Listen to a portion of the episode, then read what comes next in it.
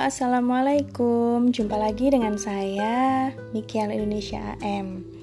Kali ini, uh, pada episode kali ini, saya akan um, membahas tentang depresi.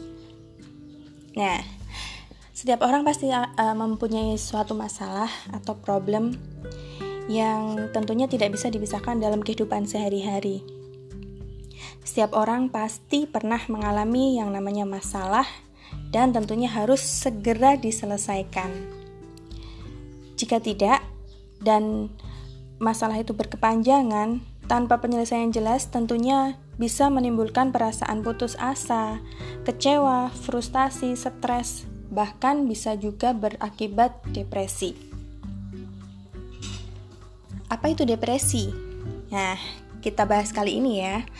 Depresi adalah suatu gangguan pada alam perasaan seseorang, ya bisa dikatakan mood seseorang yang ditandai dengan kemurungan, kesedihan, kelesuan, kemudian kehilangan gairah hidup, tidak ada semangat, merasa tidak berdaya, perasaan bersalah atau berdosa, tidak berguna dan putus asa, serta ditandai dengan gejala lain seperti gangguan tidur atau insomnia, dan menurunnya selera makan.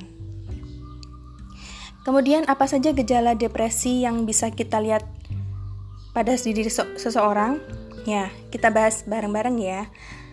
E, gejala yang tampak pada seseorang yang mengalami gejala depresi pada dasarnya bisa dikelompokkan menjadi tiga, yakni yang pertama gejala secara fisik, bisa meliputi gangguan tidur, hilangnya nafsu makan, mudah merasa kelelahan, menurunnya tingkat aktivitas, menurunnya produktivitas, sulit berkonsentrasi, dan menurunnya daya ingat.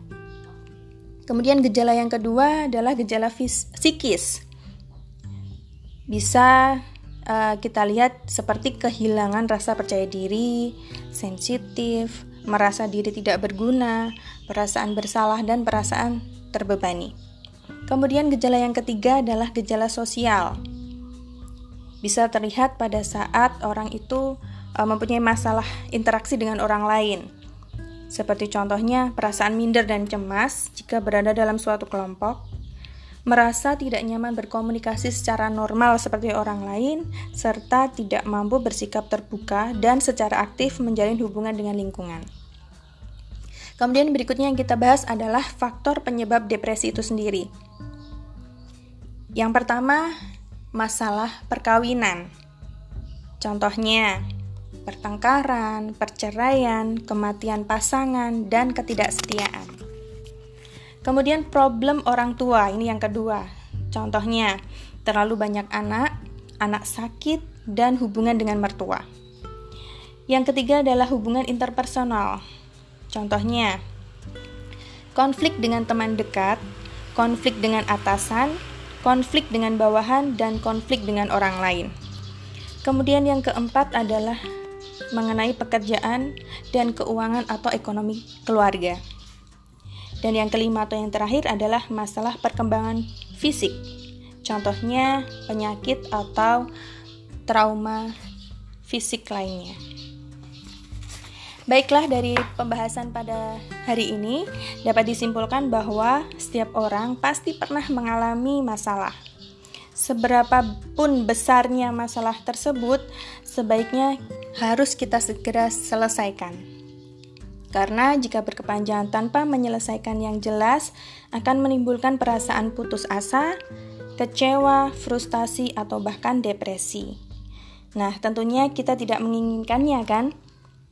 Jadi intinya teman-teman, kalau kita mempunyai suatu masalah harus kita se segera selesaikan. Jangan lupa untuk curhat dengan orang yang kita percaya. Berbagi cerita untuk mengurangi beban pikiran kita. Itu saja dari saya, kurang lebihnya saya minta maaf. Assalamualaikum warahmatullahi wabarakatuh.